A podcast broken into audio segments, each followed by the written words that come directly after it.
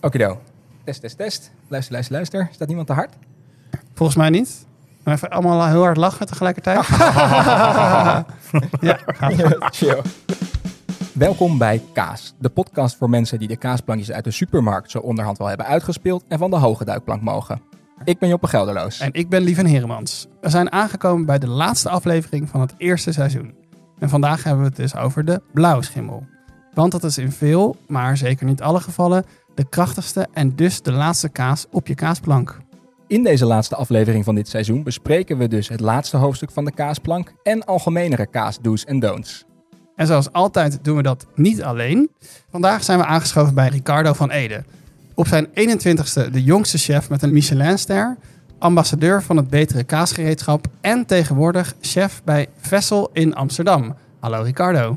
Hallo. Ricardo, normaaliter eh, in deze podcast, ehm, jij bent trouw luisteraar begrijp ik, zitten we aan de keukentafel bij iemand. Eh, vandaag zitten we heel ergens anders, namelijk in jouw restaurant. Zou je aan de luisteraars kunnen vertellen waar we zitten en wat wij, wat wij zien?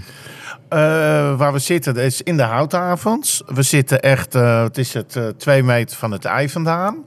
Ik denk dat we toch wel een van de mooiste uitzichten Echt hebben. prachtig, ja. Het is echt genieten. Ja, in een, een hele nieuwe wijk. volgens mij bestaat die pas twee jaar of zo. nooit gedacht dat, dat hier dit zou ontstaan eigenlijk. En we zitten hier heerlijk rustig nu met een bordje blauwe kaas.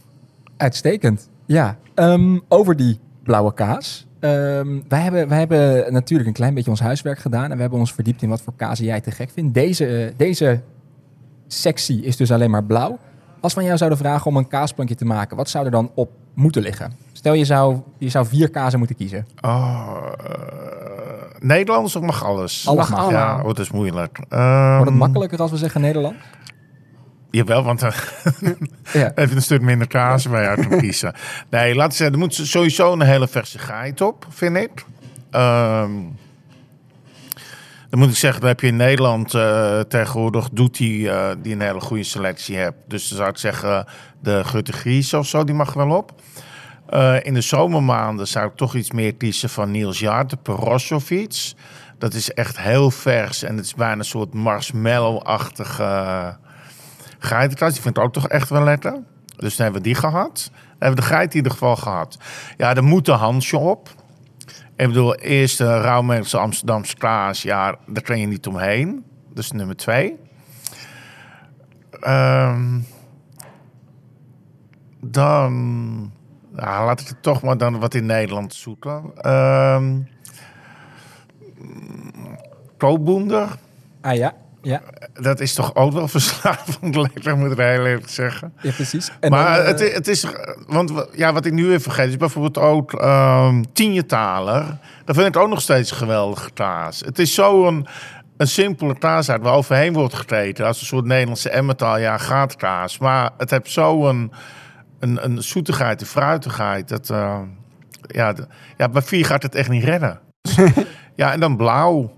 Um, ja, dat zou toch Colosso kiezen. Nou, het helemaal Nederlands. Ja, precies, dan houden we Nederlands. Dan houden we ja, Nederlands, dan gaan we ja, voor de Colosso. Ja, van de dat ik toch wel de, voor mij de beste Nederlandse blauwe aarde vind. Ja. Right. En, als en we misschien de... moeten we voor de luisteraar ook even uitleggen, want die hebben de Koboender en de Tienjetaler niet geproefd. Maar dat zijn dus twee Nederlandse kazen. De eerste is uit, dat zijn allebei uit Friesland, toch? Ja. Ja? Ja, ja. uit Lippenhuizen. Ja, met een natuurkorst is de Koboender. Met een, uh, dat is een kaas die wordt uh, do doorgaans gemaakt van een mengsel van ja. uh, geiten en koemelk. en hij rijpt in een oude turfschuur. Dan krijg je een beetje een gronderige ondertoon. En de korst wordt gemaakt door hem in te smeren met gekarameliseerde appelstroop. Ja. Dat voegt een beetje iets fruitigs toe.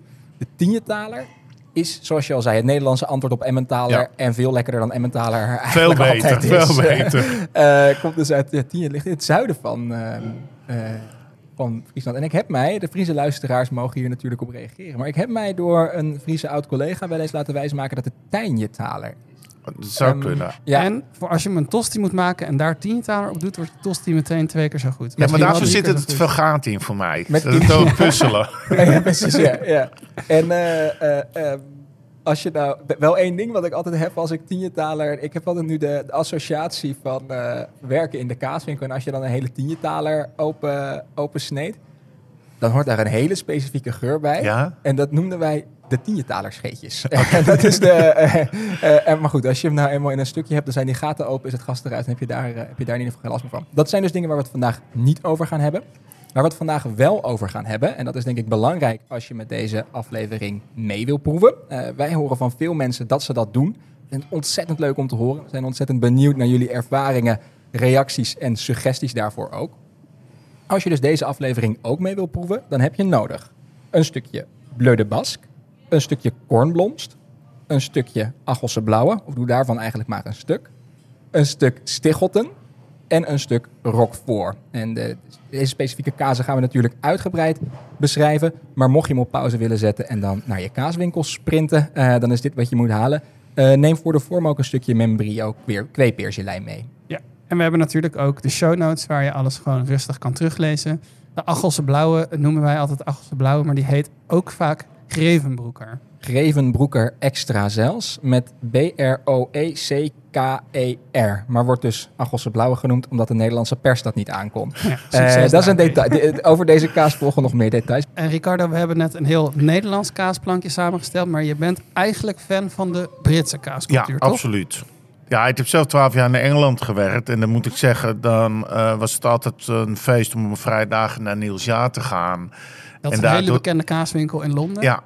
En wat die hebben gedaan voor, eh, voor Britse kazen, dat is echt gigantisch. Dat hebben ze echt op de wereldmap gezet. En als er één bedrijf is wat, ja, die heeft denk ik ook een beetje de geschiedenis van de Britse kaas eh, verbeterd. Eh, er worden ook, zelfs door de Britten worden de kazen helemaal anders gemaakt voor hun. Bijvoorbeeld hun eh Stilton, voor hun maar gebruiken ze nog echt stremsel. Terwijl ze vegetarisch stremsel voor de rest van de wereld gebruiken en dat soort dingen. En ja, wat er gebeurd is in, in, in, in, in eh, Groot-Brittannië, dat is pas eigenlijk, vind ik, pas sinds een paar jaar op gang in Nederland. Eerst was het altijd nog eh, een kopie van, eh, van een brietje of een camembertje en dan nog wel heel slecht ook. En wat we tegenwoordig, de laatste vijf jaar, is dat zo verbeterd. Dat is echt. Het was al een kaasland, maar ik denk dat het nu een kaasland extraordinair is geworden in Nederland. Het Ja, is precies. En zit dat dan in wat er wordt gemaakt in Nederland of wat er wordt gegeten? Of, Nee, gemaakt voornamelijk. Eerst hadden ze altijd toch wel iets van, eh, ja, misschien op safe gaan, maar en ook voor, waarschijnlijk voor de consument, weet je, weer de zoveelste geiten camembert of noem maar op. Ja, en dan ook allemaal, ja, niet goed, weet je. Ja, het was kaas en je het eten, en, maar het had geen persoonlijkheid of iets. Terwijl je nu... eh, ziet wat er gebeurt. En eh, of het nou een, een, een, een tienjetal is of een kloboende... of de gaatkaasjes van Doetie... of wat Mathilde doet met het Hansje. Dat, zijn, dat is iets anders. Weet je wel, op een gegeven moment kreeg je ook wel... dan hadden ze die, de mooiste goudse kazen... en om het dan iets speciales te maken... Ja, dan werd er een hand Szechuan peper doorgegooid of iets anders. Ja, maar ja, dat, voor mij is dat niks, laat ik het zo stellen. Ik bedoel, voor mij is, je moet gewoon de mooiste goudse kaas hebben. En dan absoluut niet meer gaan, gaan klooien met rare smaakjes. En ik begrijp wel dat de consument het wil, maar uiteindelijk eh, denk ik dat het zonde is. Ja, het gaat om de smaak van de melk natuurlijk uiteindelijk, hè? Ja, en net als zie je nu ook met blauwaderkazen. Dat- dat- We hadden natuurlijk best wel veel blauw. eh, wat is het, Bastiaan Blue of eh, Lady Blue en Bastiaan Blauw en dat soort dingen. Maar ze mis ja, persoonlijkheid, diepgang. Wat, ik weet niet wat het is. Ze misten iets. Terwijl als je nu bijvoorbeeld ziet, eh, inderdaad met een Colosso of iets, dat is. Dat kan zich meten gewoon met de, met de rest van de wereld in de top van blauw, zeg maar. Ja. En we hebben, dat zijn allemaal Nederlandse kaas. We hebben hier dus op het plankje expliciet allemaal niet-Nederlandse Ja. kaas neergelegd. we hebben vijf, nee, vier verschillende landen, tenzij je nou, de ETA is opgeven. Hè? Die ene is Baskisch. Ja. Ja, nee, dus, dus, eh, dus, dus Baskisch, Deens, Belgisch, Brits en Frans. Ja. Eh, dat is een, eh, ja, je zal er een, kun, kunnen het ze onderling laten uitvechten. Ehm, waar we gaan beginnen is dus de Bleu de Basque. En de reden dat we daar beginnen is, Ricardo, doe eens een gok. Eh, die is het minst, eh laten we zeggen, die is het elegantst van de blauwe aarders. Uitstekend. Ja, ik vind het prachtig hoe je elegant zegt. Ja. Als je, want jij bent natuurlijk chef en jij maakt menus. Ja, Ehm, als je kijkt naar de opbouw in een menu eh, die je als chef graag zou zien, zie je dan overeenkomsten met wat je ook graag zou willen in de opbouw van een kaasplank? Nee. Ik vind in een menu mag je best wel ehm, dat ietsje anders doen. Dat je bijvoorbeeld het ietsje opbouwt, uh, dan opeens knalt en dan weer zeg maar, wat gas terugneemt. Uh, dus dat, dat, mag wel ietsje, laat zeggen, in een menu mag wel ietsje avontuurlijker. Beetje, beetje meer heen en weer eigenlijk. Een beetje heen en weer. En in een kaasbank zou je dus tegenovergesteld een soort geleidelijkere ja, en dat komt ook waarschijnlijk omdat die heftige kaas zijn dan ook vaak meteen echt heftig. Ja. Dus daarna dan is je smaak dusdanig uh, aangetast dat teruggaan, ja, dat is eigenlijk weer zonde van de kaas dan. Ja, precies. Wat dat betreft dus een, een, uh, uh, nou ja, als we het toch hebben over smaakaantasting, een, een plank waarna we wel eventjes moeten bijkomen waarschijnlijk met dus vijf blauwe kazen. Maar zoals je al zei, is de eerste inderdaad elegant. En het is dus een Baskische kaas, een schapenkaas. Um, het is een beetje verwarrend. Er wordt in die streek heel veel bleude bask gemaakt. De meeste kazen die je in Nederland ziet komen toch van dezelfde corporatie. Een kaas met een natuurkorst die je dus ook kunt eten. Uh, daarover komen we later nog te spreken. Over of je de, de, de korst van een kaas kunt eten. Het is dus een schapenkaas, maar verrassend mild, licht, fris, elegant, zeg je, uh, zeg je eigenlijk. Het is een beetje alsof je in de verte eigenlijk een, uh, een, een, een, lammetje hoort mekkeren. En het is helemaal niet dat je... Uh, is er weer. Ja, dus, het is, dus het blijft verrassend fris. Naarmate je dichter bij de korst komt, wordt die heftiger. Ik stel eigenlijk voor dat we hier gewoon meteen een hap van gaan nemen. Of ben ik dan te vroeg? Ik heb er zin in hoor. Nee, ja. ziet er echt heel lief uit. Oniva. Misschien moeten we nog even beschrijven. Ja, Ricardo, wil jij hem beschrijven? Wil jij dat doen? ja, je beschrijft hem aan de geur, dat is heel goed. Ja, het ruikt heel licht blauwig, zeg maar. Hoe het blauw te omschrijven, weet ik eigenlijk niet. Je, je, in, als je boete leest, dan hebben ze het over uh, champignons en dat soort dingen. Ik vind het meer een soort muffe, muffe kast eigenlijk. Een soort muffe antieke kast waar, waar doeken in hebben gelegen. Ik vind dat heel erg raak, ja. Maar bij deze ruik je ook wel echt melk ertussendoor, vind ik. Ja, melkzuur. Ja. En als je de korst dan ruikt, Even omslaan hoor. Ja, dat is wel champignons. Dat is, dat is echt, de korst is wel champignons. Ja. Je ziet ook witte schimmel op de buitenkant groeien, hè? Oh, dat zijn de champignons. Dat zijn de hele champignons. Uh, en aan de binnenkant is hij dus wit met blauw. Ja, en dat witte, dat is dus ook de... Maar het is ook best een, uh, zeg maar, een, uh, een normaal zuivel. Het is niet... Vaak bij die blauwades is het wat zacht of kruimelig. Dit is best wel een soort jong belegen met een blauw adertje erin. Precies, zeg kazig als het ware. Ja, het is een harde kaas die blauw is geworden. Daar komt het eigenlijk op neer, in plaats van dat hij als zachte kaas Maar het gaat niet proeven. Ja, laten we proeven. Ja. Naast hem. Ik heb deze ook alweer heel lang niet gegeten. En ik heb hem gemist. Het is dat, dat zuurtje dat je, dat je ruikt. Uh, als je de kaas eet. Dat is wel grappig als je, of als je, hem, als je hem ruikt voordat je gaat proeven, dan ruik je dat zuurtje. Als je hem eet, heb je dan heel even een flits van het zuurtje. Dan wordt hij hartig en vol. En daarna komt het zuurtje weer naar boven. Hebben jullie dat ervaren? Ja, maar het is ook, vind ik, een beetje een blauwe aarde voor uh, beginners. Het is, in, het is vrij mild. En dan heel langzaam in je mond bouwt het, zeg maar, het blauw op. Maar het, het, het, het, gaat, het wordt nooit erg of overheersend. Het blijft binnen een bepaalde grens en dan... Ja, precies. En, en dat blauw voor beginners, dat is... De reden waarom hij op plek 1 ligt, toch? Precies. Ja, blauw is natuurlijk de... Maar met uh, blauw moet je misschien net zoals met zwemmen gewoon meteen er diep in. ja, precies. Ja, door het gat. Ja, ja. ja. ja klopt misschien ook. Ergens ook wel. Is het dan... Er zijn dus ook mensen die er, die er gewoon fysiek onpasselijk van worden. Misschien moeten die inderdaad met een hapje van deze kaas voorzichtig eerst even in het pierenbadje. Ja, of, of wel... maar een soort roquefortboter. Zwart het af met iets. Ja. Ja, dat doen ze natuurlijk bij al die zachte kazen.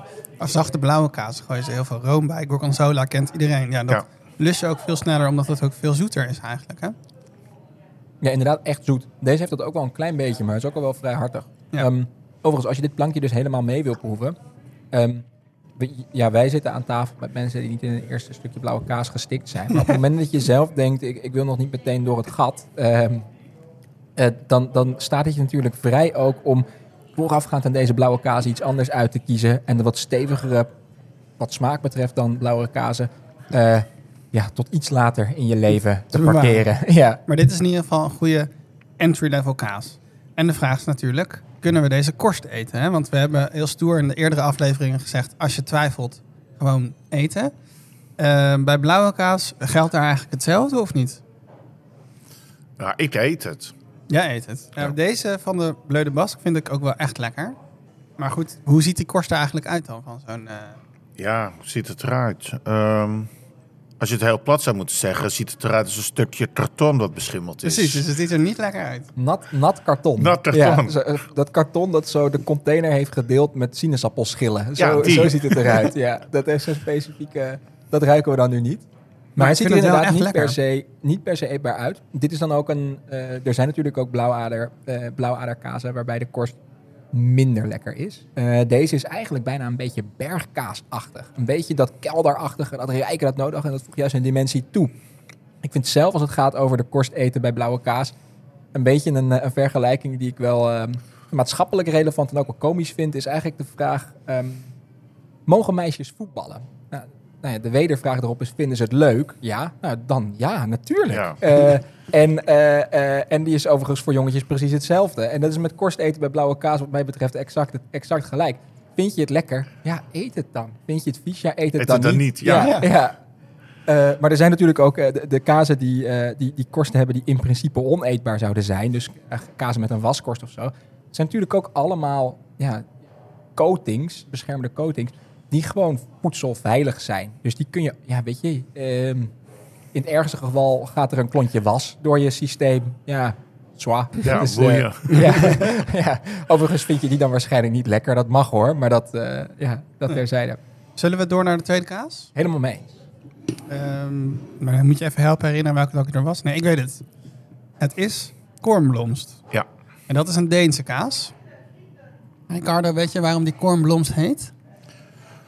Um, ik, volgens mij de torenbloemen zijn blauw. En vandaar de naam uh, torenbloemen ding, blauw. Ding, ding, ding. ding, ding. U gaat voor de wasmachine. Ja, 100 punten voor Ricardo. Um, het is een Deense blauwe... Wacht, ik ga stoppen met praten. Ik ben nog aan het kauwen. het is dus een Deense blauwe kaas. Uh, uit, hoe heet het nou? Roslef. Roslef, hè? Dat ligt ja. in het noorden van Jutland. Ja, en het is een biologische kaas. Biologisch geproduceerd door de Tiesemeierij. Een uh, kleine corporatie van biologische boeren al daar. Um, ik vind deze kaas geschikt voor op een plankje met alleen maar blauwe kazen. En om dus de mensen die dus inderdaad nog even een pierenbadje willen poedelen, um, op een plankje te leggen.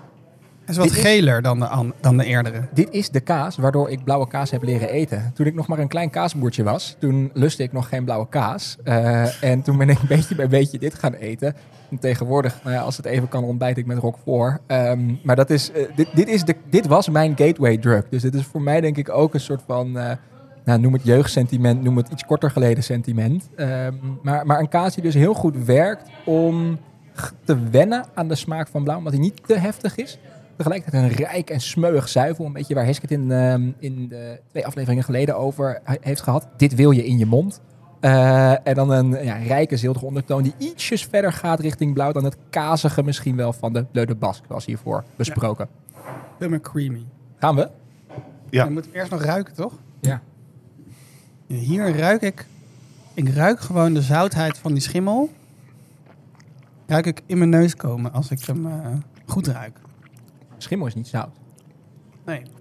Misschien is het mijn associatie met de schimmel dat het zout is. Ja. Maar ik heb ook misschien omdat die torenbloempjes heet, bijna een soort grassigheid van het zuivel. Uh, ja. heel, heel vers. Ja. Maar het ziet er ook een beetje uit als een pakje boter met een blauwader. Volgens mij is het vet. En dat wordt er niet negatief hoor, maar ze ziet het er wel uit. Het is heel smeuig. Heel, ja. uh... En dat is op zich, ja, ja, het klinkt inderdaad een beetje denigrerend, maar een pakje boter, ja, dat heeft ook zijn bestaansrecht inderdaad. En die blauwader die voegt heel veel toe. Dus het is een beetje zoals je net ook zei, met die, nou ja, maak dan roquefortboter ja. om eraan te wennen.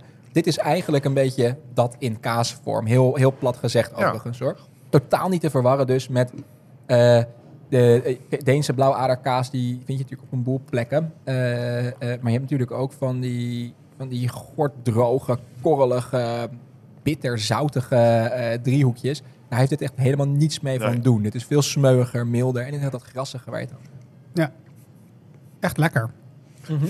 Maar wel een stap op uh, met die bleude bast. Het is ja, wel echt duidelijk blauw. Ja, precies. Blauwer ook. Ja. Ja, en dat blauw. is toch, dat blijft ook een beetje, want, want we, we hebben allemaal al pogingen gedaan. En Ricardo, jij, eh, jij, jij echode een beetje cynisch een term die je wel hebt gelezen, dat het dan paddenstoelachtig zou zijn. Ja. Maar dat is niet helemaal raak, geloof ik, is het sentiment aan tafel. Klopt dat?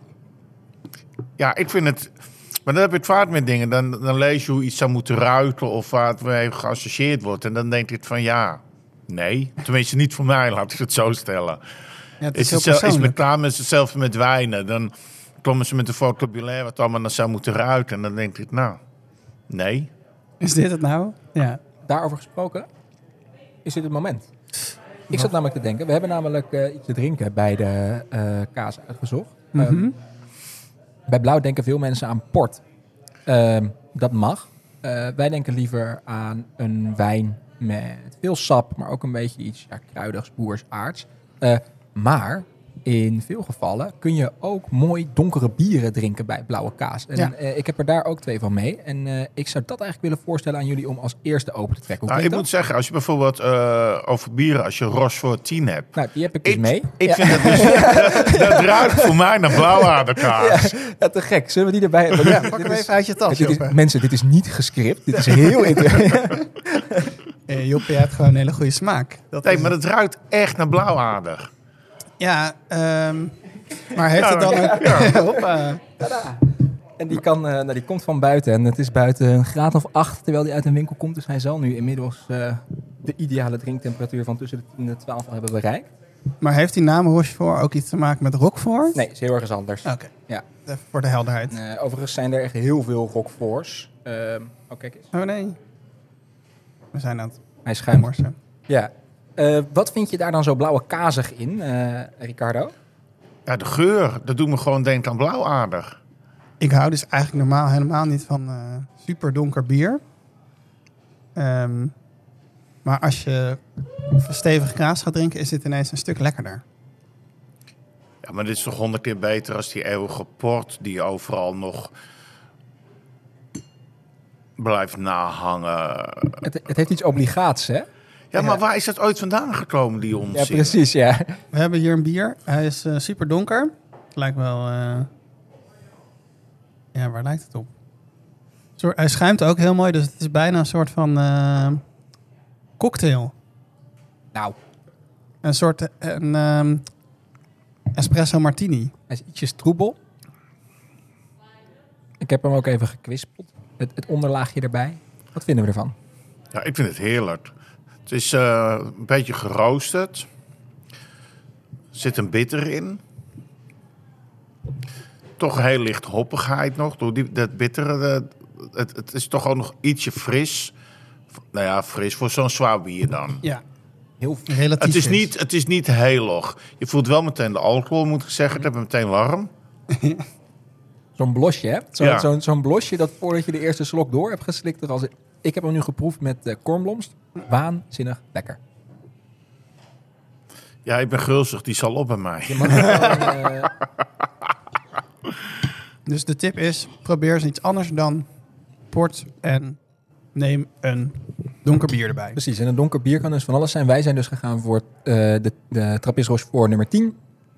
Ik had ook Sint Bernardus 12 meegenomen. Dat zijn eh, vrij gangbaar verkrijgbare bieren. Maar mocht je bijvoorbeeld in een avontuurlijke bui zijn... en iets als een Pojala Mustkult eh, eh, in handen kunnen krijgen... Die is, die is misschien wat obscuurder. Maar dat is dus echt een... eh, hoe is dat nou een Imperial Russian Porter? Volgens mij heet het zo. Ik weet het niet zeker meer.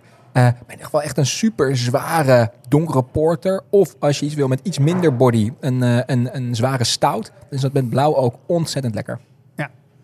hey, ehm, we gaan even terug in de tijd.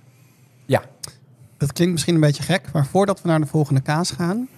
eh, ik heb even gezocht in het archief van deze podcast. Ja, we zijn het nu aan het uitbrengen, maar we zijn er eigenlijk ben ik er in mijn hoofd al twee jaar mee bezig. Net als een goede kaas natuurlijk. Ehm, dus twee jaar geleden, toen we net bij Kev werkten, toen zijn we een keer naar België gegaan. En toen had ik al een microfoon mee. Joppe was ook mee. Eh, en daar heb ik toen een reportage van gemaakt. Het is niet mijn beste werk, want het is mijn eerste werk. Eh, maar we gaan even gewoon een beetje terug in de tijd. En dan komen we vanzelf aan bij de volgende kaas. En dat is namelijk de Achelse Blauwe. Goed? Weet je, weet je wat ik nu al voorzie? Dat Oh, jee. mensen dan straks na deze serie podcast zeggen... nou, kon de vroege Heremans toch beter. Ja, deze is voor de historie. Wat is er gebeurd? Het is 19 februari 2018 en we zitten al vroeg in de auto op weg naar Hamond-Achel. Ah, we zijn nu wel echt in. Dit is niet meer Nederlands bord. Alles is in Ik vind de hoofdletters. bomen ook een beetje Belgisch lijken. Typisch Belgische bomen. In dat plaatsje, onder Eindhoven, vlak over de grens met België, zit Catharinendal, de kaasmakerij van Peter Bonen. Ik, Lieven, zit in de auto met een paar andere nieuwsgierige KEF-collega's. Of keffers, zoals we elkaar noemen. Achter het stuur zit Mathilde. Zij werkt al meer dan vijf jaar bij KEF en is dus duidelijk een overjarige keffer. Oké, wat weet je over... ehm, Eh, Peter Bonen. Hij, heeft een, hij zegt wel een. eh, Lekker ding. Ja. Nee, dat weet ik niet. Nee, nee, nee. Het is gewoon een hele schattige man. Maar ehm, hij heeft echt super veel verstand van kaas maken. Hij heeft ook een soort van vier kaasmakerijen naast elkaar gebouwd. Ja, zodat hij elke nee. kaasfabriek. Ja. Fucking vet. De laatste die je hoorde was Femke. Zij runt het proeflokaal van KEF in Amsterdam-Noord. En dan is er ook nog Sophie. Zij is vandaag verantwoordelijk voor de navigatie. 14 kilometer moeten we nog. En daar doen we 17 minuten over. En, eh hoe, en Rieke en Joppe, hebben we daar eh, nog iets van vernomen? Rieke, ook wel bekend als Marieke, is al meer dan 14 jaar de baas van KEF. Zij zit samen met Joppe, de jongste bediende, in de kaasbus van KEF. Want we gaan kaas ophalen. Naar rechts, naar rechts, naar rechts. En nu, en nu, en nu, en nu, en nu. Ik houd het in de gaten hoor. Oké dan. Lekker. Nou, we gaan een landweggetje op. Nou. Peter Bonen is een van de kleine producenten die verschillende rauwmelkse kaasjes aan KEF levert. Allemaal kaffers. Klein onderdeeltje hoor. Ja, ja is dat zo goed? Heeft u misschien een toilet? Dat is dus Marieke. Daar hangen we ja. Van buiten lijkt het gebouw van Catharinendal op een ouderwetse boerderij met een rijke begroeiing op de muren. Ik loop samen met Joppe naar binnen, waar het er juist weer heel modern uitziet. Kom binnen. Dank u. Dit ruikt naar kaasmakerij. Ja, Ja. kan je de geur omschrijven? Ik zou zeggen boterachtig zuur. Eh, en ook toch een beetje die lucht die je ook in, eh, in kerken hebt. In Zuid-Europese kerken heb je een beetje zo'n stoffige steenachtige lucht. Een kaaskerker. Het is een vrije dag vandaag. Ja, En dan precies. gaan jullie toch samen Ja, er nogal buiten. ja, want we wilden het gewoon allemaal heel graag zien. Ja. Die goede kaas, waar komt die nou vandaan? Ja. Het is maandagochtend, een tijdstip waarop de kaasmakerij eigenlijk toe is. Gesloten dus. Gelukkig waardeert Peter onze komst en heeft hij een uitgebreid kaasplankje voorbereid in zijn winkel aan huis. Op het plankje liggen zes verschillende kazen die dus stuk voor stuk uit eigen kaasmakerij komen. Oh, wauw. Oh, dit is de extra aangegeven broeker. Dat is te gek zeg. Het is bijzonder dat één kaasmaker zoveel verschillende soorten kaas maakt. Wat blieft? Waar, met welke soort kaas maken bent u begonnen? Met welke Type. type? Ah. Eh. ik is begonnen toen ik 13 was. eh, toen ehm, eh, was er een workshop in de klas. Ik ging naar de landbouwschool en, eh, in het tweede jaar en dan kregen we een workshop kaas maken. En dat was een grootste kaas. Saai. Oh nee. Ja. maar mijn grootouders die woonden hierin en die hebben altijd kaas gemaakt. Hè. Mijn, mijn ouders hebben altijd boter blijven maken, maar geen kaas. Heel of weinig. En op het einde, toen ze wisten dat mijn broer en ik dat gingen doen, zijn die ook terug begonnen met kaas maken. Maar ik had ondertussen altijd al kaas gemaakt. Hè, dus ik ben, vanaf 13 ben ik altijd kaas aan het maken geweest. Oh, dat verklaart weer een hoop voor mij. Oh ja? Ja. Wat hè? Nou, dat u zoveel kan. Ah ja. Als je vanaf je dertiende kaas maakt. Dan. Maar dat was, ik kreeg geen zondagsgeld hè. Nee, er moest gewerkt worden. En eh, eh, ik kreeg wel melk. En als je dan kaas maakt en je verkoopt die kaas, dat was wel voor mij. ja, maar dus Zondagsgeld is, ik denk, zoiets als wat wij zakgeld noemen. zakgeld, ja. Ja. Peter, zo vertellen wij altijd in de winkel, maakt zijn blauwe kaas met de hand. Maar hoe maak je die blauwe kaas dan met de hand? Wij vertellen er in de winkel altijd onze versies van. Maar we zijn hier gekomen om het van hem te horen. Heel chill. Hey, en nog een vraag over die Achelse blauwe. Is het nou zo dat je dan dus die blauwe schimmel eh, starterscultuur zeg maar, op je handen doet als je eh, bolletjes maakt van de wrongel?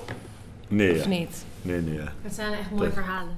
Ah, Ik, heb- ik wil, ik wil ook onze andere verhaal nog wel vertellen, wat wij denken dat u doet. ah ja. En dan hoeft u niet ja of nee te zeggen, want ik weet dat het geheim is.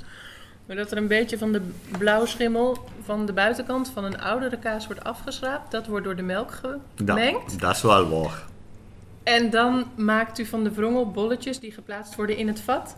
En rondom die bolletjes gaat die blauwschimmel zich ontwikkelen. Ja, dus omdat dat niet geperst eh, wordt, blijft dat hier open. Hè? Ja. Maar in het begin is dat echt hier los. hè. De blauwschimmel zit al in de kaas. En op de plek tussen de bolletjes en aan de buitenkant, daar gaat de schimmel groeien. Omdat dat allemaal met de hand gebeurt, is de schaal van de productie zeer klein. Ja, dat hoeveel, maakt, hoeveel maakt u er per week? Op het moment eh, zitten we op, op 32. Dat is week. verdubbeld vanaf het begin, Ja, ja. hè? want dat waren Ja. er 16. Ja. De manier van maken en de smaak deden in 2009, bijna tien jaar geleden dus, wat stof opwaaien. Ja, Ja, ik snap wel de hetze hoor. ja. Wat was de hetze? De hetze was dat eh, de beste ambachtelijke kaas ter wereld is genoemd. Op een prijs in Lyon, meen ik. In Lyon Bent u daar ooit geraakt? In Nee. Lyon? U hoort het goed.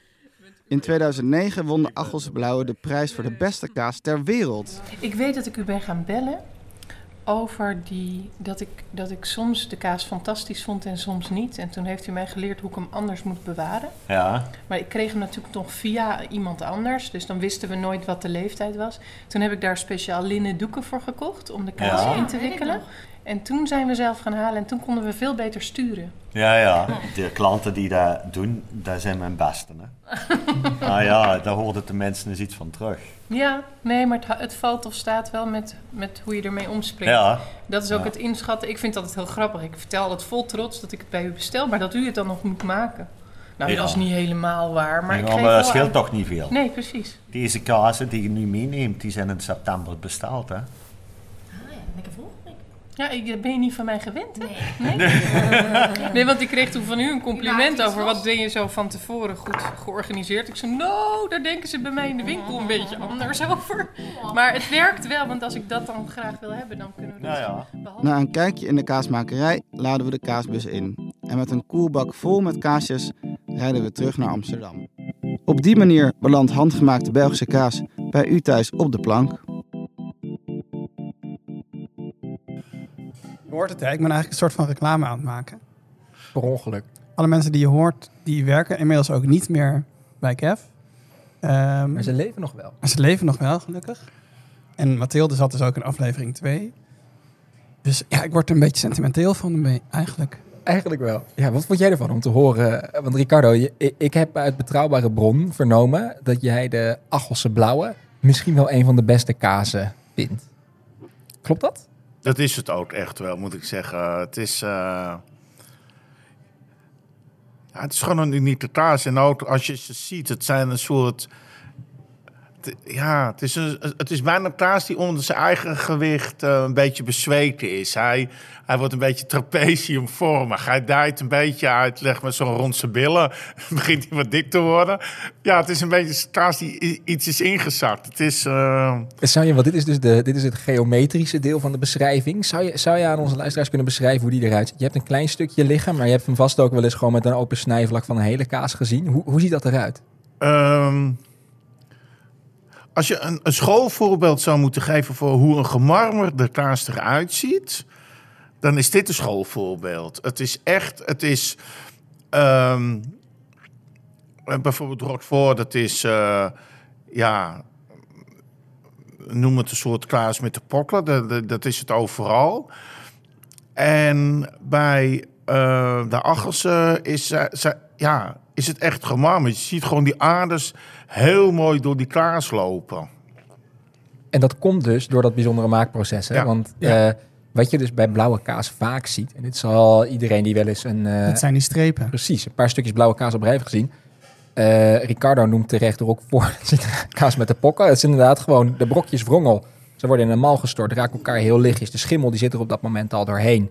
Eh, en de schimmel die zuurstof nodig heeft om te groeien, krijgt in het hart van de kaas die zuurstof, omdat ze er met pennen gaten in prikken. Ja. En die strepen, die zie je.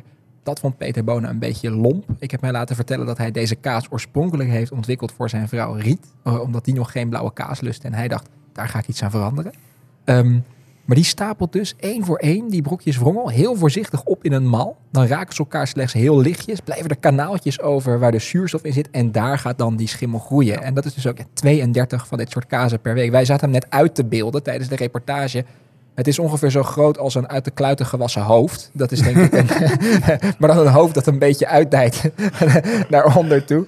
Eh, eh, dat, dat is dus, ja, dat geeft misschien wel een idee. Natuurlijk, hij maakt ook andere soorten kaas, maar dat geeft wel een idee van de, eh, ja, de, de aandacht en het vakmanschap dat in deze hele bijzondere kaas zit. Ja, met liefde stapelt hij het op eigenlijk. Precies. Ehm, we gaan hem proeven. Nou, we gaan hem eerst ruiken, toch? Ja, En dus helemaal rauwe melk. Hè? Dat is ook heel knap. Hij maakt allemaal verschillende soorten van 100% rauwe melk. En de melk heeft hij dan van zijn broer. Die woont aan de overkant met de koeien. Dit ruikt naar zweetsokken. Ja? Maar dat slaat jou niet aan, toch? Ja, het gaat niet. Ja, het, het klinkt een, een beetje kinky als ik ga zeggen: Oh, het vindt zweetsokken lekker uit. Maar deze kaas vind ik wel lekker uit. en of het dan met zweetsokken te maken heeft, nou ja, zo be it. Als je de korst dicht bij je neus houdt, dan heb je ook echt een beetje zo'n bijna ammoniakachtige prikkel. Dat Oh, je ja. het voelt dat je neushaar een beetje wegschroeien als je te diep inhaleert. Ja.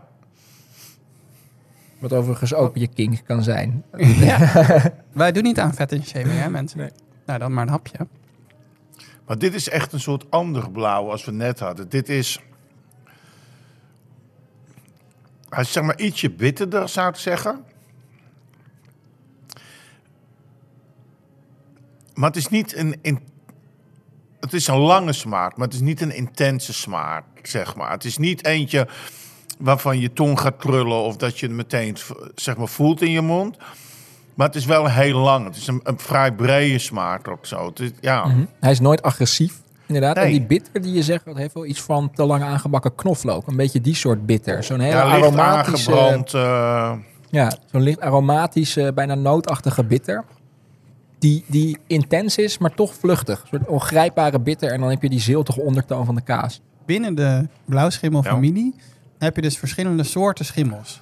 Eigenlijk zoals we dat in de witte aflevering ook hadden. En dat is extra grappig, want dat is natuurlijk ook penicillium eh, waar dat uit voortkomt. Maar je hebt dus Penicillium roqueforti, die bekend is van de kaas. Ja. En je hebt Penicillium glaucum. En die is eigenlijk wat anders. Ja, ze zitten dicht bij elkaar. En, ehm, eh, en voor sommige kaart, eh, dus het zijn twee verschillende soorten blauwschimmel eigenlijk. De meest bekende is Penicillium roqueforti, waar die naar genoemd is, gaan we het zo over hebben. maar wordt die voor het gros van de blauwaders gemaakt? Ja, in, gebruikt? in principe wel. Ja. Of eh, is het eigenlijk 99 procent? Nee, het is, het is een grote meerderheid. Ik zou het wat productievolumes niet zeker weten. Mijn persoonlijke inschatting zou zijn ongeveer drie kwart op een kwart. Oké. eh Roquefort op Glaucum. Je kunt, eh, het is zelfs zo dat Bleu d'Auvergne met allebei wordt gemaakt. Eh, niet door elkaar heen, maar de een doet het met de een, de ander doet het met de ander. Ehm, het zijn allemaal schimmels die hun oorsprong hebben natuurlijk in grotten. Eh, en dat, dat komt straks met de Roquefort nog naar, naar voren. En in deze variant, de, die van Peter Bona, komt het nootachtige, de nootachtige bitter, die een bijna een beetje kampvuurachtige bitter haast van de Roquefort die wat meer naar boven. Ja. Hoe zouden we de smaak verder nog? Want dat, dat ammoniakachtige van de korst, dat, dat doet misschien een beetje dreigend aan. Proef je de sokken? Dat is eigenlijk mijn vraag. Nee, Nee, ja? nee Dus het schrikt misschien absoluut af? niet. En dit is dus wel een kaas. ehm, ehm, met dat die zo opgestapeld is, dat je die kanaaltjes hebt, eh, merk je dat die, eh, die schimmel, die heeft natuurlijk zuurstof nodig. Hoe dichter bij de buitenkant, hoe makkelijker die zuurstof er kan komen. En dit is echt een kaas die, naarmate je naar binnen gaat, wordt die smeuiger en milder. Als je naar de buitenkant toe gaat, dan krijgt hij toch een beetje ja, een soort, ja, het blijft smeuig, maar het is wel minder massief. Het wordt wat brokkeliger. En de smaak wordt ook zeker, die bitter, die komt een stuk sterker naar, naar voren, omdat die fermentatie gewoon Ja, verder je krijgt ook als je dan door je neus ademt, dan krijgt het ammoniak komt wel ook dan sterker naar Ja. voren. Ja, maar nooit, niet Maar niet onaangenaam. agressief of onaangenaam. Ja, Het is gewoon een hint van. het is een soort kietel. Ja, Ja. Ja. En deze, dit is eigenlijk een hele knappe schimmel, want hij heeft, je hebt natuurlijk bij de witschimmels schroeien er ook schimmels op de buitenkant, maar die hebben heel veel lucht nodig. En bij de blauwe schimmels is dat juist, kan hij met heel weinig lucht, kan hij zich toch ontwikkelen. En daarom zit hij dus ook in de kaas en niet op de buitenkant. Ehm, ik vind dit misschien ook wel de lekkerste kaas. Ondertussen neemt... Ter eh, wereld, hè? Ik vind dat ook. ja, het, Ja. Is, het is de lekkerste kaas dat ter was wel wereld. tien jaar geleden, maar nog En de ene lekkerste kaas ter wereld wordt overigens ook door Peter Bode gemaakt. En dat is? ja, ik vind de burg. Als de burg goed rijp is, maar dat is niet jouw pakje aan. Ja. Je kijkt heel afkeurig. Nee, dat is echt, dat gaat, nee, nee, nee, nee. Dat gaat er nee, niet in. Nee, Je wilt het niet eens zien. ik wil niet aanraken. Nee. ik zag Ricardo tussendoor een stukje kweepeergelei nemen. Ik heb hem eh, vanochtend eh, aangeprezen als huisgemaakt, maar wel in iemand anders huis. Is in, in, niet- in een fabriekskeuken, maar gewoon in een eigen keuken gemaakt. Ehm, eh, grote dank aan Meerte, de vriendin van mijn vriendin Anouk, die dit heeft meegenomen eh, van haar broer uit Schattig. Italië. Ehm kweepeergelei wordt vaak geserveerd bij blauwe kaas. Waarom? Ja, het is zoet toch? Ik denk dat dat zoetig een beetje. Je bent een beetje balans aan het zoeken. Je bent de hele tijd vooral zout en scherp aan het eten. En dan kan je dit er tegenover plaatsen om eh, even op adem te komen, als het ware. Ricardo, heb jij daar als chef ideeën over? Jij was de eerste die, die de, de aansprak. Wat, eh, wat had je toen nodig toen je dat deed? Een beetje rust even in mijn mond voor de volgende ronde. Gaat het inderdaad alleen maar om een soort van rust of is het ook contrast? Ja, ja, je bent toch op zoek naar die balans? Nou, ik ben niet zo van, die, van al die garnituren bij kaas, hoor, moet ik zeggen. Je, soms heb je een soort eh, hele halve fruitmand bij zitten. En eh, ja, ja, ik heb aan goed brood en kaas heb ik echt genoeg. De rest mag je... eh, Precies, dus nooit ook zo'n garnituur, alvast eh, voorsorterend op de do's en don'ts. Ehm, wat er wordt geserveerd bij, eh, bij kaas, je hebt vaak vijgen, druiven, dat soort dingen. Vijgen, druiven, bleedselderij eh, en dan hebben ze... Sla hoorde ik laatst. Ja, eh, dus inderdaad tussendoor. Als je wil. Laat Ja, nou ja, kaas- iedereen, laat, laat ik zeggen, iedereen moet gewoon vrolijk doen waar ze zelf trek in hebben, wat ze lekker vinden. Maar, en het is hetzelfde met port erbij schenken. Maar ja, ik moet zeggen, volgens mij met, met die, met die Klaas Blauw, een goede mooie oude eh, rijpe champagne en een beetje blauwe aarde, ja, prima hoor. Kan Maar maar ja, weinig ja. misgaan. Geweldig idee. Ja. Bij twijfel eh, vraag je kaasboer. Als je merkt dat als je drie keer dezelfde vraag aan je kaasboer stelt, dat hij elke keer port zegt, vraag het voort aan iemand anders dan je kaasboer.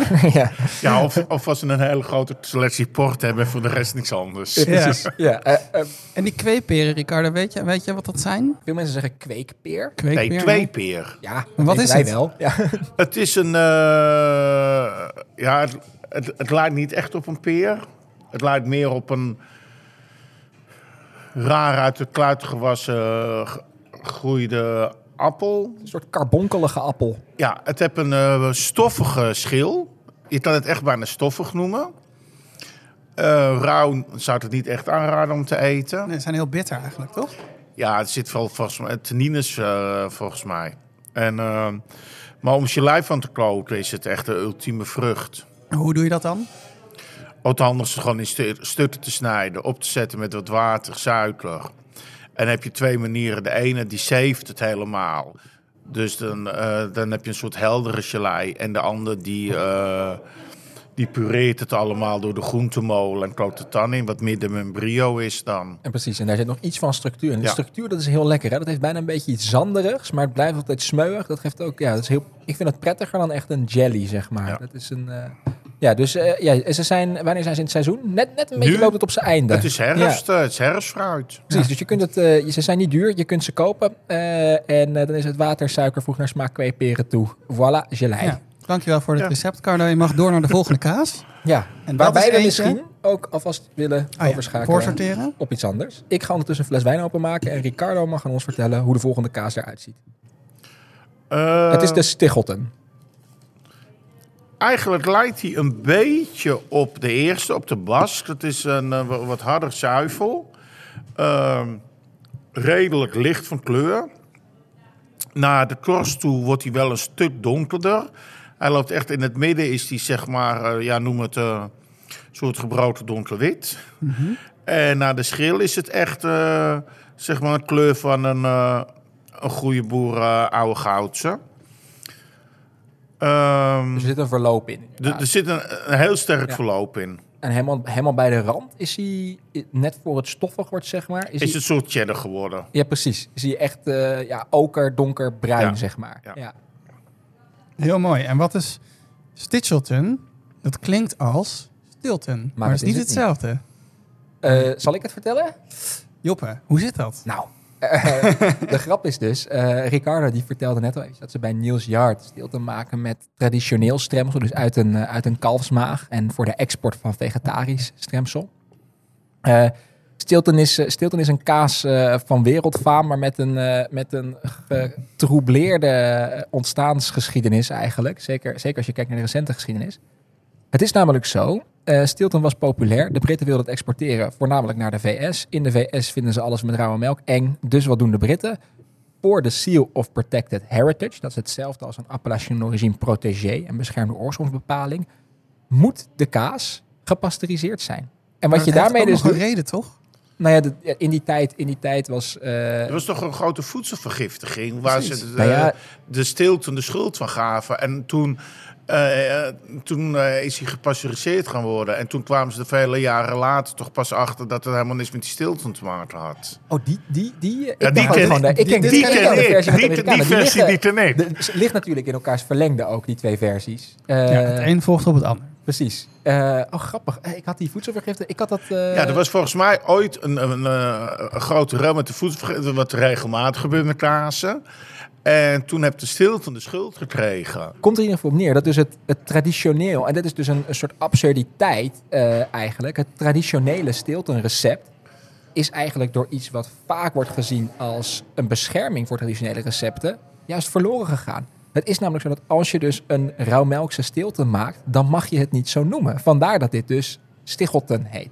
En eh, Joe Snyder heet hij geloof ik. Love him. Een Amerikaanse Nederlander maakt dit dus, eh, in Groot-Brittannië ook. Eh, en die vond het allemaal onzin. Die dacht, ik ga gewoon zo'n rauwmelkse kaas maken. Ja, dan heet het dus anders. Dan heet het Stichelton. Als je wil zien hoe het gemaakt wordt, dat is echt heel vet. Joël uit de eerste aflevering heeft in zijn programma Smaken van Joël een aflevering gemaakt over rijpen. En dan gaan ze naar de boerderij van Stitchelton, eh Stitchelton Dairy. En dat is zo vet. Ze hebben drone shots, ze hebben allemaal shots in die rijp, rijpruimte. Ik ben echt jaloers dat ik daar nog niet geweest ben. maar ik moet zeggen, ik, ik zat toevallig net eh, in die tijd in Engeland, toen deze kaas zeg maar eh, in, in zijn beginperiode zat. Want het is toch ook een van de eigenaren van Niels Jaat die hier heel eh, nauw aan verbonden zit. En, want Sti- Stichelton is ook eigenlijk de oude naam voor Stilton, toch?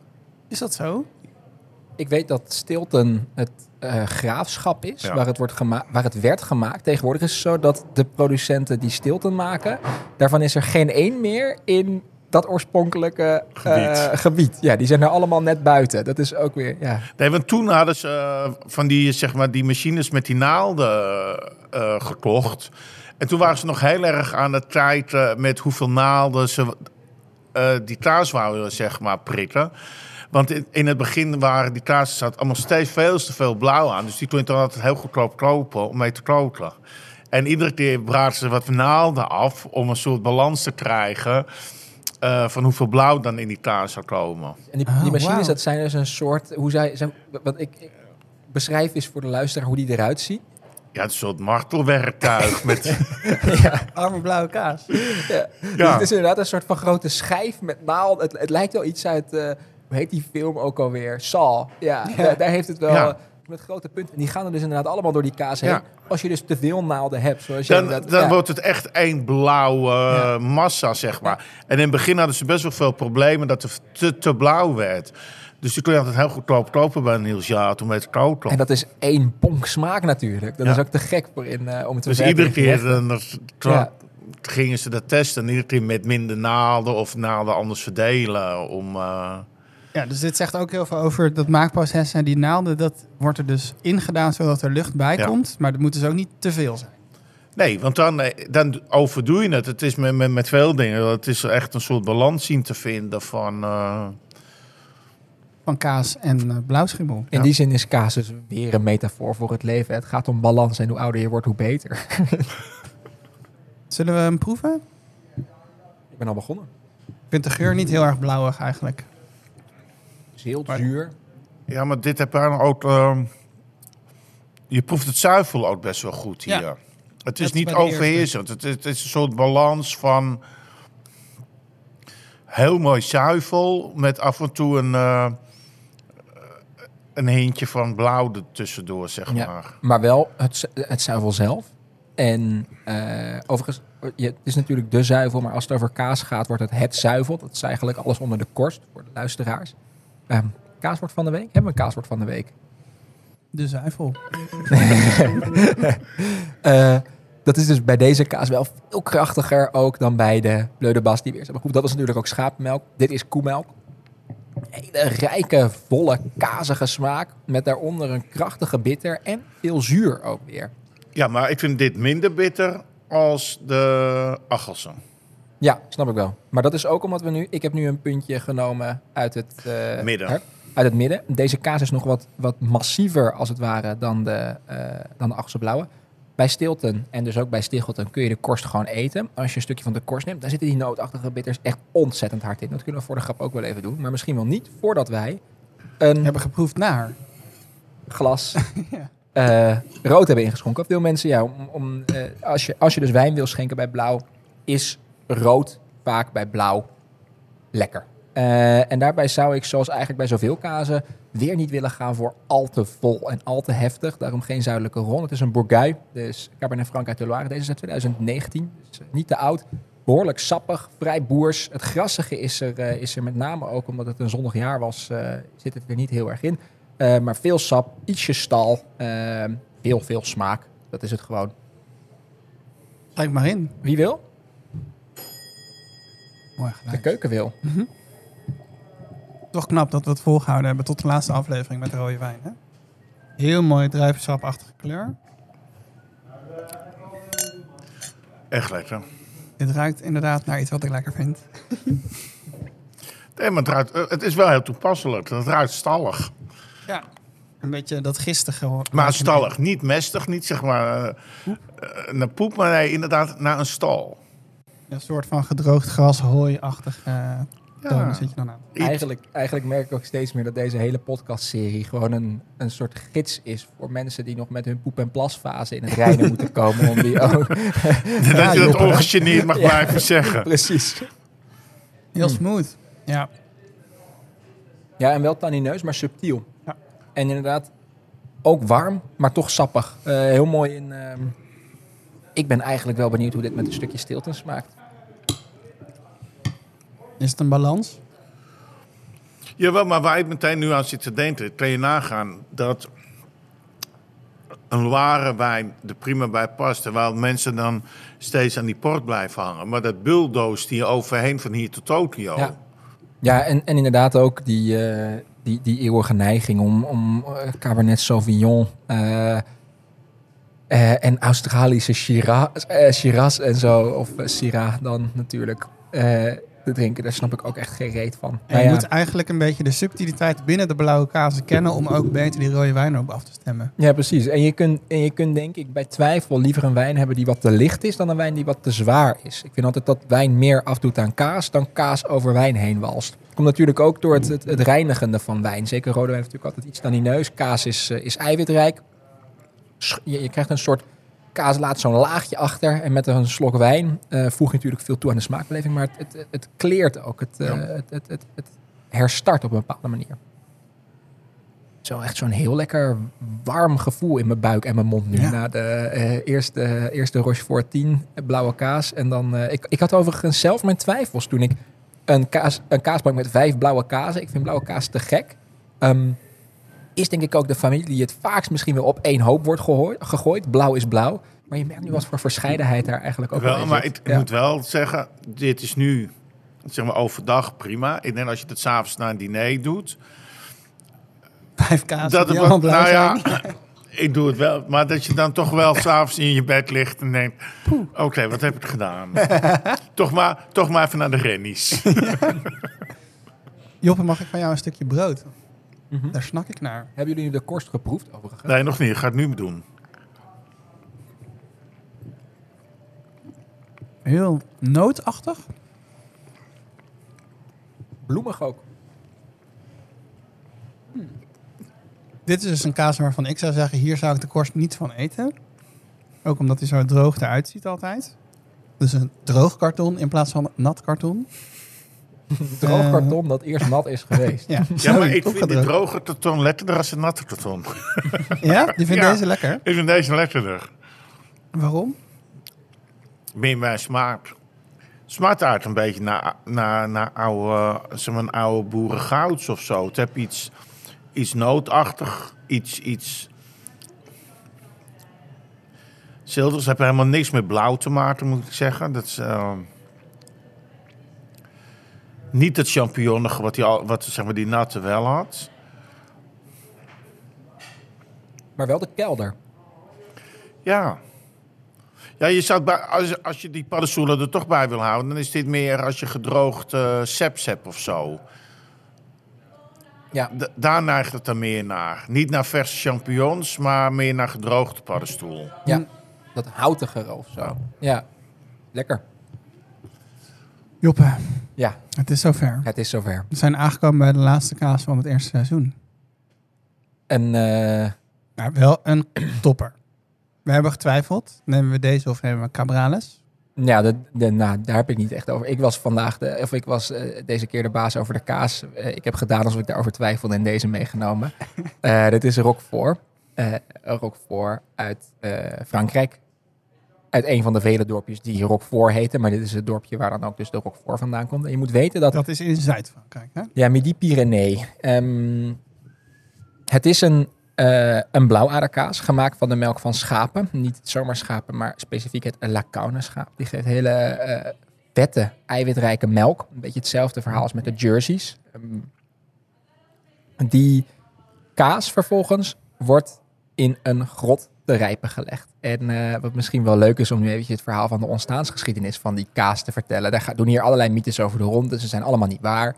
Eh, maar de mooiste vind ik wel die van de herdersjongen die zijn schapen aan het uitlaten was, zoals herderjongens doen. En eh, hij zag toen op een gegeven moment, eh, op een zag je even verderop, een prachtige boerendochter. En toen, hij was net op- aan het lunchen en toen heeft hij zijn roggebrood en zijn zachte, verse, witte schapenkaas voor de grot, waar hij eventjes zat te pauzeren, achtergelaten. Hij is met die eh, boerendochter, eh, ja, weet ik veel, de hooiberg gaan in- maken, ja. kaas gaan maken. De, de, eh, maar Iets met een vet is. de liefde, eh, de liefde eh, vervloog. En eh, de jongen die, die, die, zijn hart was gebroken. En eh, hij kwam vol liefdesverdriet.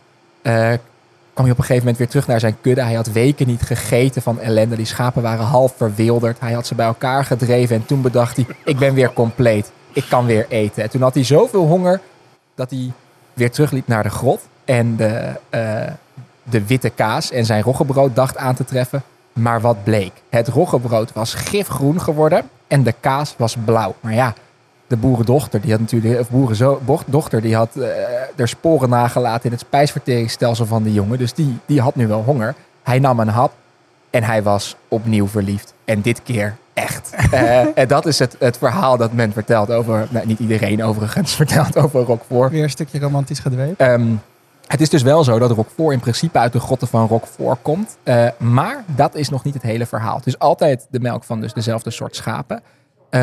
Wij hebben de Roquefort van Maison Carle. Er zijn verschillende Roquefort-producenten. Uit mijn hoofd 12, maar pin me daar niet op vast. Je hebt een paar hele grote en je hebt een paar wat kleinere. Ehm, dikke tip, zoek voor die van de wat kleinere. En als je het kunt vinden, wij hadden daar aan tafel eventjes een heen en weer over. Frère Laure of Maison Carle. Eh, wij hebben die van Maison Carle.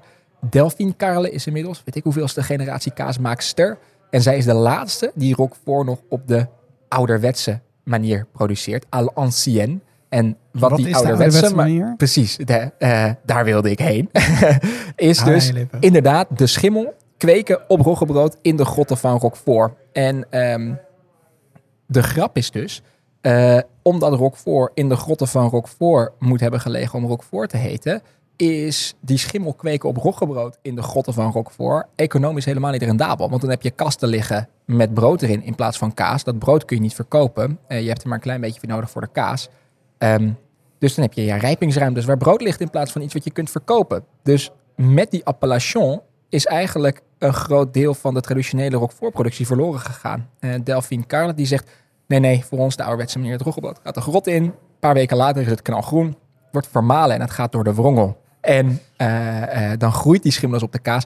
En waar het nou aan ligt, maar deze Roquefort, we gaan hem zo proeven. Maar wat ik altijd vertelde in het proeflokaal was, je hebt heel veel Roquefort, dat is in één keer knalbam zout.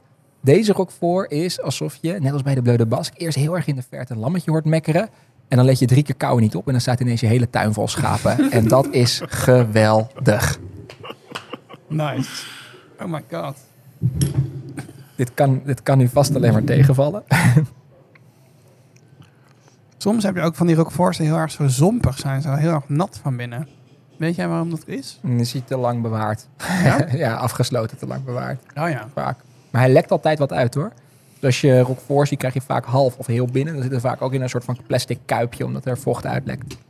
Kunnen wel iets vertellen over de structuur van de kaas, toch Ricardo? Dus anders dan alle die we hiervoor hebben gehad. De- Deze, er zit heel veel blauw in. En daar zeg maar, daardoor breekt die. Het zuivel is sowieso heel licht wittig, maar dat komt door de schapenmelk. En er zit er echt ontzettend veel eh blauwaarder in. En die zorgt er ook voor dat de kaas zeg maar, een beetje aan elkaar valt. Want het blauwe is een beetje droog. Een roggebrood dus. En, ehm, oh, maar het is zo lekker. Ik heb wel geen zin om meer verder te praten. Maar het is dus inderdaad dat je dus eerst heel eventjes dat zoetig hebt. En je Ja. denkt eerst even, hé, hey, een schaapje. En dan daarna dat bijna splijtende, pittige, zoute, nootachtige, bittere. Ja, maar dat vind ik sowieso wel van al deze blauwe die we hebben gehad. Dat er altijd nog een soort balans is tussen, zeg maar, eh, de smaak van de kaas zelf. Dus van, van de melk wat van gemaakt is. En de blauwaarde. Het is niet dat je meteen een soort gebitslept wordt met alleen blauw. Ja, ik vind dus ook de, de Roquefort toch wel... When Kingdom Come, sluit me op in een kelder met een voorraad Als je Roquefort. één kaas de Ja. rest van je leven mag eten. Ik zit er vooral op. ja, precies. Te laat. Oké.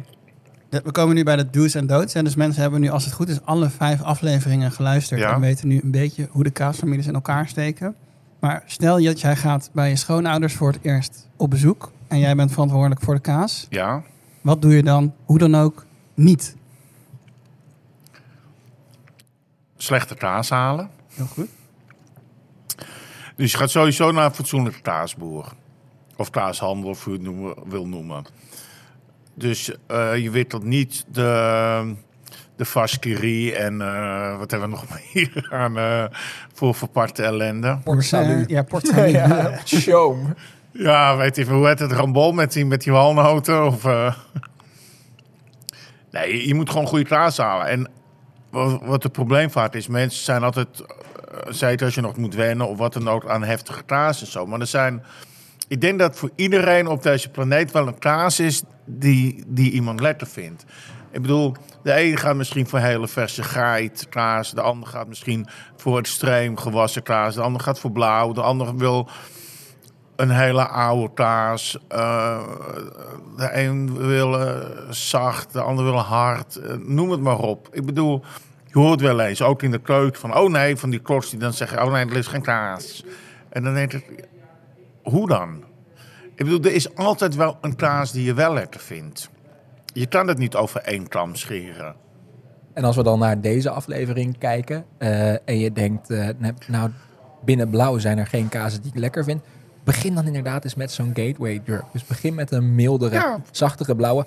Zorg dan ook wel dat dat een goede blauwe kaas is. Want je hebt natuurlijk ook dingen als zonder mensen hierbij te willen schofferen. Cambozola en zo. Maar ga dan dus ook voor een kaas die goed is. Want op het moment dat je slechte kaas eet, dan vind je waarschijnlijk blauwe kaas niet vies. Nee, je vindt slechte kaas niet vies. En dat is iets goeds. Dat moet je koesteren. Ja, maar dat is met heel veel dingen in de keuken. Van dat mensen vaak iets niet lusten omdat ze een keer een slecht voorbeeld hebben geproefd. En dan, je- daarom moet je altijd gewoon op zoek gaan naar de goede voorbeelden. En dan kan je alsnog beslissen of je het lekker vindt of niet. Of, eh, of je er iets mee kan doen. Maar je kan het niet zomaar over een kam scheren. Dat is hetzelfde bijvoorbeeld met Roquefort of iets. Ja, proef die verschillende producenten. Want als je zeg maar, net in de keuken begint of, of met klaar zit, de, enige twee producenten waar het altijd een gevecht tussen is, is tussen Papillon en Société. Ja. En dat is hetzelfde met zeg maar, eh, een stu- goede stuk boerengoud. Het is een heel verschil of je dat bij een kaasboer haalt, die het echt eh, van, van de maarten heeft, of dat je het voorverpakt haalt bij de appie. En ik denk dat dat ook eh, iets is wat misschien wel past in een bredere ontwikkeling, waar we het aan het begin van de aflevering even over hebben gehad.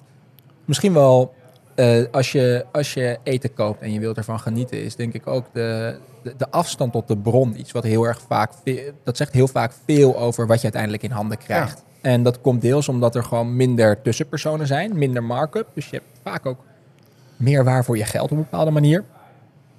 Maar ook, je, je koopt eten van een familie die hiervan leeft... in plaats van een melkcoöperatie die hiervan eh, aandelen verkoopt. Eh, en ik denk dat dat wel een belangrijk iets is om in het achterhoofd te houden... als je het hebt over kaas. Ja, doe je best.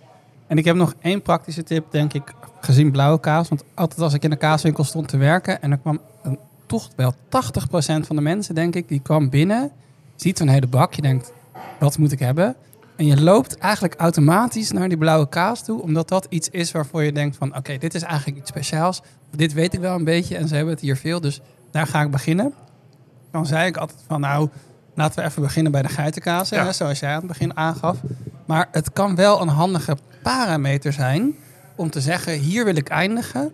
En op dat niveau eigenlijk terug te gaan Ja. rekenen. Ja. Dus dat je niet een super heftige geitenkaas hebt en dan met kornblons komt aanzetten op het einde. Dat werkt ook niet heel goed. Hè? Dus je moet het vergelijken met een muziekstuk, zoals jij altijd doet, Joppe. Het moet mooi in harmonie zijn. Je wilt toewerken naar een grote finale. En als je die finale te vroeg hebt, heb- dan eindig je met een anticlimax. En hoe leuk anticlimax zou ook kunnen zijn... Kan ik nu stoppen met praten? Dan heb je een anticlimax. Eh, andere, want we hebben nu twee do's en don'ts bes- besproken. Ik denk dat het heel belangrijk is, eh, een, een andere don't is kaas te koud serveren. Kamertemperatuur of lauwer, als het even kan. Eh, en dat is dus in de kersttijd, waar je toch op afstevenen, eh, betekent dat dus ook iets anders dan buiten neerleggen. Want buiten is het vaak te koud. Ander ding dat heel belangrijk is, bewaar de kaas op de juiste manier en niet te lang. En mensen hebben vaak de neiging om kaas hermetisch af te sluiten in plastic. Sowieso de vraag, hoe lang kan je kaas eigenlijk bewaren in de koelkast? Hoe lang bewaar jij kaas in de koelkast, Ricardo? Ik loop maximaal voor een week, eh, zeg maar ongeveer. Ja, een week tot tien dagen. Dat is wel een goede houdbaarheidsdatum. En daarbij is het zo dat veel, eh, eh, veel witschimmelkazen, eh, die hebben de neiging om wat eerder door te slaan. Dus de kazen die we in de tweede aflevering hebben besproken, doorslaan betekent niet meer lekker worden eigenlijk. Eh, dat is iets anders dan rijpen. Eh, en veel blauwaderkazen kun je daarentegen juist wat langer bewaren. Eh. Dat is misschien een goede. Verder heel belangrijk, mocht je een kaas hebben waarop een schimmeltje groeit dat er eerst niet op zat. Of het nou een witschimmelkaas is. Geitenkaas hebben het vaak. Maar soms hebben stukken goudse kaas of bergkaas het ook. Ehm, ja, in vrijwel alle gevallen kun je dat gewoon eten. Eh, en mocht je je daar toch niet prettig bij voelen, gooi dan alsjeblieft niet weg, het hele stuk kaas. Maar schraap het er gewoon eventjes van af. eh, en eet wat eronder zit wel gewoon op. Ja, want die schimmel zit natuurlijk niet super diep ineens. Dat kan je gewoon afhalen. Eh, en dan nog mijn laatste gouden tip. Dat is eigenlijk mijn geheime tip. Maar goed, die ga ik nu prijsgeven, omdat iedereen nu vijf afleveringen geluisterd heeft. Maar let bij de opbouw van die plank ook een beetje op de afwisseling van de structuur.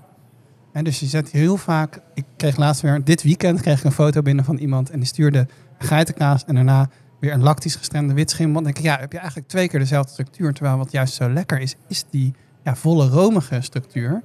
Eh, en doe ook af en toe wat eerder een harde dan alleen op de derde of vierde plek. Precies. Zie dus deze serie podcast als een handreiking, de vijf afleveringen. Maar zie het vooral niet als een keurslijf. Je mag hier in je eigen, je eigen weg varen. En wat wij vooral willen doen, is je op weg helpen om zelf ook uit te vinden wat je echt, echt lekker vindt. Ja, en ga alsjeblieft ook niet als een snop in de winkel staan. Want daar heb ik echt een hekel aan. Maar goed, misschien gaat daar wel het volgende seizoen over. Right.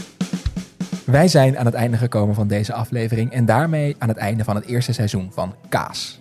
Ricardo, ontzettend leuk dat we bij jou mochten aanschuiven. Graag gedaan, dankjewel. Hartstikke fijn. Dank voor het luisteren, alle luisteraars, naar het eerste seizoen van Kaas.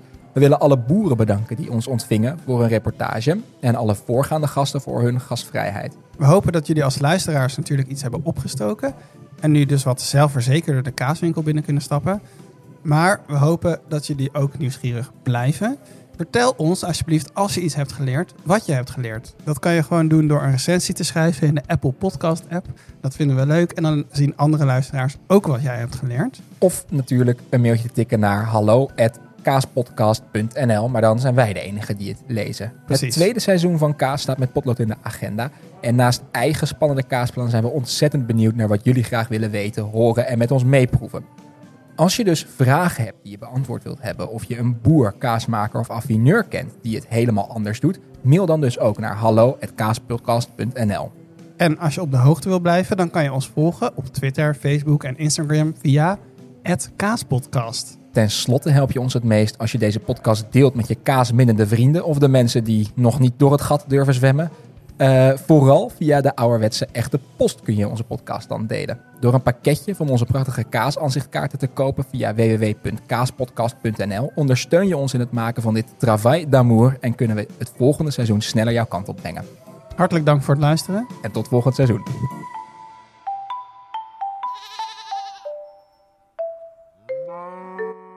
Right. Ja. Dankjewel Ricardo. Te gek. Leuk ook hoeveel jij vanuit jouw Britse tijd weet, zeg. Dat is te gek. Ja, het is echt eh Ja, maar dat is het voordeel van als Ja. je naar andere landen gaat om Ja. te werken. Ja. Dan kom je, weet je, en dan kom je in aanraking met anderen. Ken je het verhaal van Sherazade? Een snel verveelde koning, gekrenkt omdat zijn vrouw hem bedroog, laat iedere avond een andere vrouw komen. Maar tegen de tijd dat de zon opkomt, laat hij hun hoofd afhakken, om te voorkomen dat zijn hart weer gebroken wordt. Tot Sherazade. Ze heeft die koning duizend nachten lang verhalen verteld met elke ochtend een cliffhanger. Waardoor hij haar niet ging vermoorden omdat hij zo nieuwsgierig was. Oké, hoe gaat het verder? En na die duizend dagen is hij tot inzicht gekomen en is hij veranderd in zijn denken. Een verhaal kan je wereld veranderen. Iran is een van de weinige landen ter wereld waar geen wetgeving is om vrouwen te beschermen tegen huiselijk geweld. Een groep activisten probeert daar verandering in te brengen. Net als Sherazade vertellen ze verhalen om hun lot te veranderen. I ask every woman I meet to tell about their stories. Hun ultieme missie? Een nieuwe wet. Maar we moeten vrouwen dus niet alleen zien als eh zillige, weet je, eh, slachtoffers hiervan. Eh, wat je vaak ziet is dat vrouwen juist een heel erg sterke rol spelen in Iran. I think that because when you feel discrimination and when you you count as second citizen in your country, I think that you fight more and you have more reason to change something. Luister vanaf 8 maart naar de driedelige podcastserie Sherazade.